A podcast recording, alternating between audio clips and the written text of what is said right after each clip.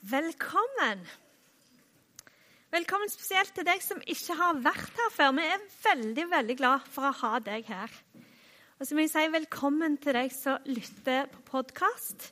Utrolig bra at du benytter den muligheten til å få med deg talen når du er forhindra til å være her. Det er veldig bra. Eh, vi holder på med taleserien eh, Tro og hverdagsliv. Det er altså en tematisk gjennomgang av Jakobs brev. Hvis du ikke har fått med deg de andre talene i denne serien til Frode og Aleksander, så gå hjem og klikk inn på nettet på hjemmesida vår og lytt på podkasten der. De er veldig bra. Anbefaler det. Eh, I dag er vi altså kommet til Jakobs brev, kapittel 2. Og jeg kommer til å holde meg i vers 14-18 om tro og gjerninger. Jeg har valgt tittelen som dere ser 'Troen sett gjennom gjerningenes briller'. Jeg kommer tilbake til det litt. Ehm, når det gjelder Jakobs brev, så er kanskje ikke det det brevet du hører mest taler over. Det har en veldig sånn praktisk og etisk karakter og er blitt kritisert av Luther bl.a. for å ha lite evangelielære i seg. For det setter tro opp mot gjerninger, og vi får en spenning som kan være ubehagelig å ta opp. Og Det er skrevet av eh, Jesu bror, og det er sagt om han at han var ikke en troende når Jesus gikk omkring. Men han fikk sin omvendelse når Jesus åpenbarte seg for han etter sin oppstandelse. Så ut fra de opplysningene så kan vi se på Jakobs brev som et litt sånn ivrig, nyfrelst brev. Vel å merke i positiv forstand. Ikke tenk på sånne nyfrelst tabber eller feil. Men den positive, den ivrigheten eh, som nyfrelste ofte har med seg. Han er opptatt av eh, at vi ikke skal snakke oss til himmelen, men at troen vår skal få lov å ta tak i oss og drives til handling. Har du opplevd folk som nettopp har begynt å tro på Jesus?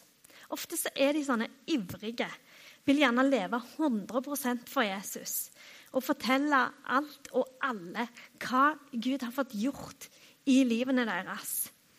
De leser Bibelen, og de er oppriktig opptatt av hva Jesus sier til dem gjennom den. Og det er knallbra, det. Og det er den opplevelsen jeg sitter med eh, når det gjelder Jakobs brev. Denne ivrigheten.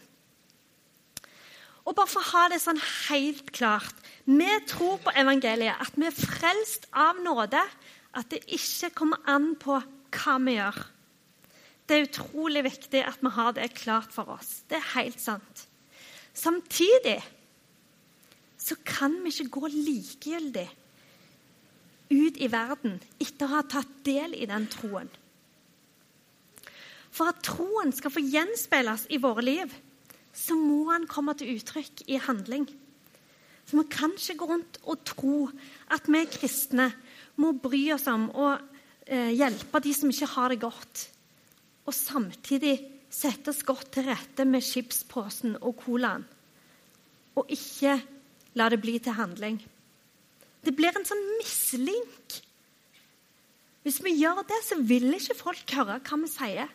For gjerningene våre roper så høyt. De egoistiske og selvopptatte handlingene våre vil rope mye, mye høyere enn ordene våre. Hvis vi gjør det. For at troen, selve evangeliet, det budskapet vi har å komme med, for at det skal være troverdig, så må det få konsekvenser i livene våre. Denne ufattelige, store kjærligheten, den godheten som Gud har til mennesker, den må få vise gjennom oss. Det er faktisk livene våre som er Guds vindu utad. Og det er utrolig utfordrende for oss.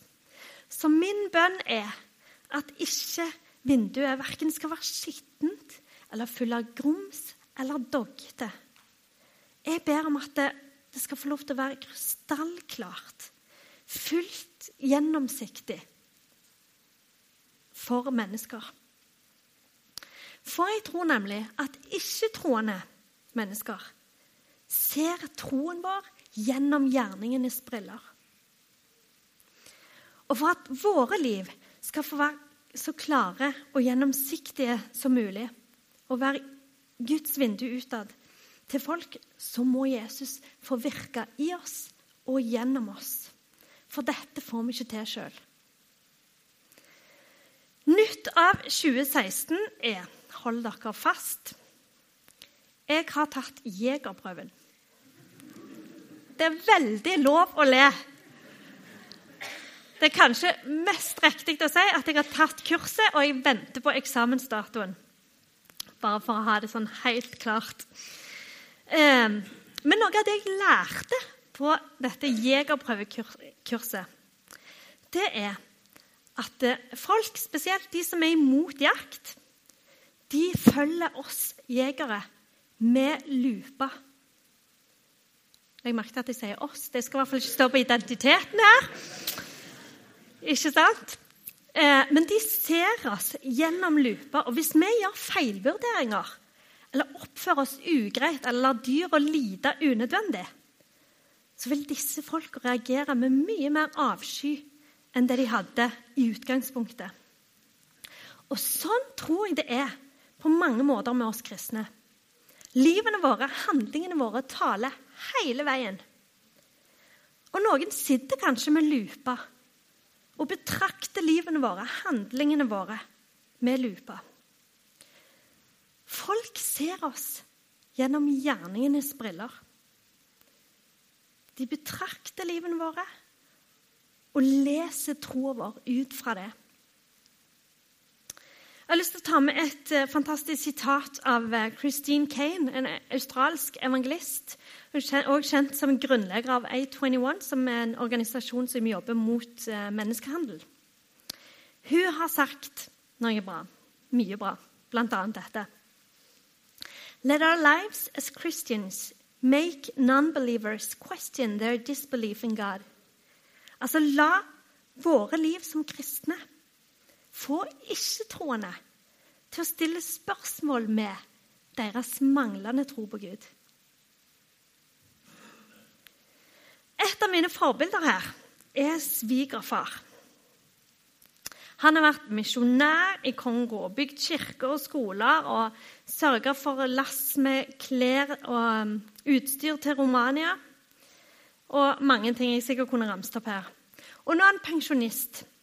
Men det ligger i han ennå, dette med å hjelpe og være til stede i andre menneskers liv.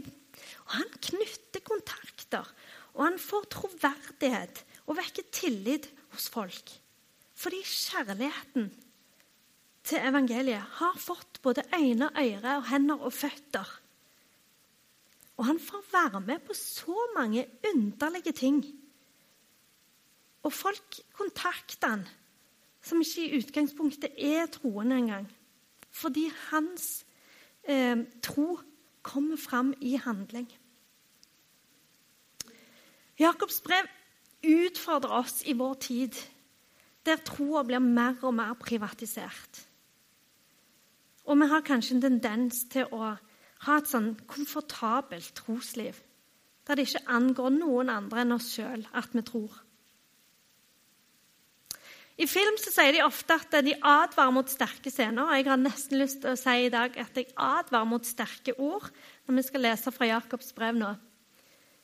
Men samtidig så er det det vi har å forholde oss til. Vi må forholde oss til dette. Det står i Jakob 2, 14-18. Hva hjelper det, søsken, om noen sier at han har tro når han ikke har gjerninger? Kan vel troen frelse han? Sett at en bror eller søster ikke har klær og mangler mat for dagen, og en av dere sier til dem, 'Gå i fred, hold dere varme og spis dere mette.' Hva hjelper det dersom dere ikke gir dem det kroppen trenger? Slik er det også med troen. I seg selv, uten gjerning, er den død. Kanskje vil noen si, 'Du har tro, jeg har gjerninger.' Vis meg din tro uten gjerninger, så vil jeg ut fra gjerningene vise deg min tro. Budskapet er krystallklart her i Jakobs brev. Det går ikke an å tro uten at det viser igjen i livene våre. Så hva sier livene våre om vår tro? Ut fra gjerningene, hvordan ser troa vår ut? Jeg kjenner meg aldeles utfordra sjøl. Og jeg ser at jeg kan ha masse empati for folk som lider, for flyktninger som kommer hit på helt sånn uverdig vis, for tiggere, for rusmisbrukere, prostituerte, for fysisk syke og psykisk syke. Men jeg skammer meg over å innrømme at empatien slutter der ofte. Den får ikke ører og hender og føtter. Samtidig, folkens, så det å gå rundt og tenke at vi ikke er gode nok, er lite konstruktivt. Og det er jo her kraften i evangeliet kommer inn. Vi strekker ikke til. Men Jesus gjør det. Og han skal få virke i oss og gjennom oss. Som jeg skal få lov til å være Guds vindu utad. Jeg leste for noen uker siden nyttårshilsen til Øyvind Haraldseid. Og den var så bra at jeg har printa den ut til dere. Øyvind Haraldseid er generalsekretær i Misjonsforbundet, som vi er en del av. Og jeg syns at det han skriver her, er så spot on at jeg har lyst til at vi skal lese det. Så dere kan ta det fram og følge med mens jeg leser. Der står det Godt nyttår. Klima, flyktninger, økonomisk nedgang og mange andre ting preger nå vår hverdag. Problemene er ikke nye. Det nye er at de nå angår oss og preger vår hverdag. De kan ikke lenger skyves utover sidelinjen som saker som ikke angår oss og våre liv. Det er en kjempende verden vi lever i og er en del av. Vi har som en misjonsbevegelse alltid forholdt oss til og jobbet med mennesker som har kjempet. Kongo har hatt sine kriger, Colombia er landet i verden med flest internflyktninger etter 50 år med krig. 5,3 millioner flyktninger. Romanias fattige lever i skyggen av et velstående Europa. Og dette er bakteppet når vi går inn i et nytt år. Det er mitt håp og min bønn at det virkelig må bli et godt nyttår. At vi som kirke må evne å møte noen av de mange kjempende mennesker som finnes både i våre menigheter, våre lokalsamfunn, ute i verden, hvor vi arbeider skulder ved skulder med lokale kirker. Bibelen snakker om forvalterskap, og vi har fått både kunnskap, frihet, økonomi og en hel del mer å forvalte utover evangeliet, de nådegaver og den kraft som Gud gir. Godt nyttår trenger ikke bare være et løst håp om at noe godt skal skje en gang der framme. Et håp om under og mirakler. Et godt nyttår kan også skapes ved at vi arbeider og gjør vårt beste med de ressursene vi har fått å forvalte. Jeg ønsker deg Guds velsignelse over ditt liv og din tjeneste i 2016. Øyvind Haraldseid, generalsekretær i Misjonsforbundet. Vi er stolte av han. Han er en bra mann. Nå er vi på begynnelsen av 2016, og vi har nye muligheter. Og det er sant at Gud vil bruke deg og meg her i Stavanger, i den sammenhengen vi står i, med det nabolaget, med de vennene, familien, kollegene som vi har rundt oss. Og han vil bruke oss som formidlere av Guds mangfoldige nåde. Jeg elsker dette bibelverset. 1. Peter 4,10. Tjen hverandre, hver og en, med den nådegaven han har fått, som gode forvaltere av Guds mangfoldige nåde. Vi er en del av en stor fortelling som Bibelen formidler. Guds store fortelling, plan og hensikt.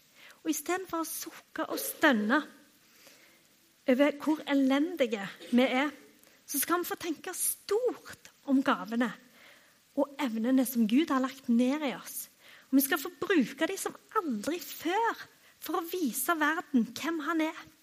Det er et stort og det er et ærefullt oppdrag å få være Guds vindu utad ved at han bruker oss, ved at han virker i oss og gjennom oss. Sånn at folk kan få lov å se troen vår når de ser gjennom gjerningenes briller. Når misjonærene reiser til Kongo, Kina, eller Colombia eller Kamerun, eller hvor de reiser, så blir evner og utdanning brukt tydelig til å tjene Gud. Til å bringe evangeliet ut til verden. Akkurat som vi ikke tenker på at meg og deg er Guds representanter der vi er. Vi skal òg få lov å bruke evner og utdanning og ressurser til å tjene Gud med. Du og meg er regna med i denne store planen hans. Og ingen av oss har biroller i dette dramaet her. Vi har alle hovedroller. Og Det betyr ikke at vi skal prøve å være noen andre enn vi er, men vi skal ta aktivt del i livene våre. Med at vi reiser oss som Jesu disipler. At vi er synlige.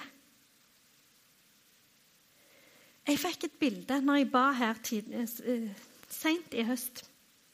Og det skinner gjerne gjennom hva vi er opptatt av i vår familie, for det går mye i jakt. Men sånn tenker jeg òg at Gud taler. Gud taler gjennom bilder og situasjoner som vi forstår. Det ser vi at Jesus òg i Bibelen han eh, taler gjennom bilder og lignelser mye. I alle fall, jeg så for, for meg oss kristne i denne byen i kamuflasjedrakter. Helt usynlige. Og så så jeg at eh, vi begynte å ta av oss disse draktene. Og så kom det til syne sterke og vakre farger. Og vi var lette å se. Ikke for at vi skulle peke på oss sjøl, men for at vi skulle få lov å være formidlere av Guds mangfoldige nåde. Og dette er ikke noe sukk og stønn. Det er knallbra. For du er du med gudgitte gaver og evner som du skal få lov å bruke frimodig. I Efeserne 2, 8-9 står det For av nåde er dere frelst ved tro. Det er ikke deres eget verk, men Guds gave. Det hviler ikke på gjerninger for at ingen skal skryte av seg selv. For vi er Hans verk I Kristus Jesus til gode gjerninger, som Gud på forhånd har lagt ferdig for at vi skulle få vandre i dem. Gud har lagt ferdig gjerninger som du skal få gå i, som du skal få vandre i. Frelsen er gaven som vi har fått, som gjør at vi skal få lov å handle, vi skal få lov å vandre i gode gjerninger. For hvordan skal vi dele den troa vi har fått, uten å handle? Men Efeserbrevet presiserer at frelsen hviler ikke på gjerninger. Hvorfor ikke? For det skal ikke være en konkurranse, dette. Vi skal ikke være selvopptatte og skryte av det vi er gode med å gjøre. Men vi skal få gjøre det av godhet og i godhet og vite at Jesus virker i oss og gjennom oss. Vi er ikke alene. Han er med oss, og han virker i oss og gjennom oss. Og da får vi være Guds klare og tydelige vindu utad. Og folk får se troen på Jesus, som har frelst oss. At det er den som driver oss til handling. Jeg tror det er på tide at vi begynner å gå den veien, ikke bare snakke om den. Så hva er det i ditt liv som du skal få begynne å gjøre? Eller fortsette å gjøre, eller gjøre mer av, eller gjøre på en ny måte. Sånn at troen får vise seg i ditt liv. Hvordan vil du at troen skal få vise seg i livet ditt i 2016, der du er på jobb, i nabolaget, blant venner, kolleger og familie? Kanskje har du ikke peiling. Kanskje har du ikke tenkt på dette i det hele tatt. Men be Gud om å vise deg mer av din plass i hans store fortelling. Kanskje er det noe helt nytt. Eller kanskje noe som allerede er etablert. F.eks. Vi vil hjelpe-aksjonen, der du kan gå inn og fylle ut hva du vil bidra med i forhold til flyktningene som kommer til byen. Eller eh, Misjonskirka sitt nye I lag, der du kan stå på en mailingliste og være med og hjelpe med behov som kommer inn. Eller kanskje det er noe helt annet. Tillat hans kjærlighet å få konsekvenser i livet ditt. Og gå et skritt. Be bønnen 'La din vilje skje, Gud', i og gjennom livet mitt. Jeg har lyst til å gjøre en ting som ikke gjør så veldig mye eh, her. Hvis du har en lengsel etter å bety noe, være til velsignelse for en nabo, en kollega eller en venn, så har jeg lyst til å invitere deg fram her og be om at Gud skal få virke i deg og gjennom deg. Og berøre disse menneskene med sin godhet, med sin frelse. Det er det vi er satt til her. Så hvis du har denne lengselen, så vær frimodig, og så kom fram under den sangen vi skal synge nå. Så vil jeg be en bønn for deg.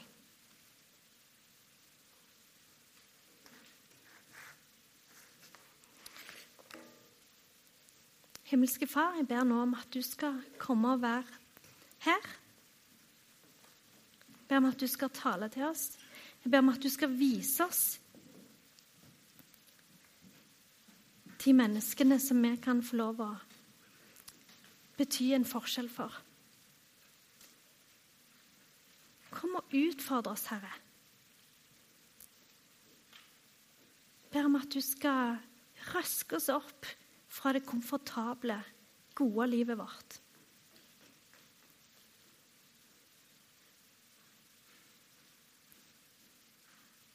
La oss få lov å virke for deg, Herre.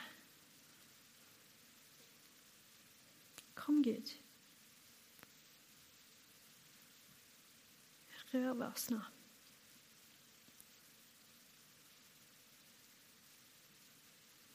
Jesu navn. Amen.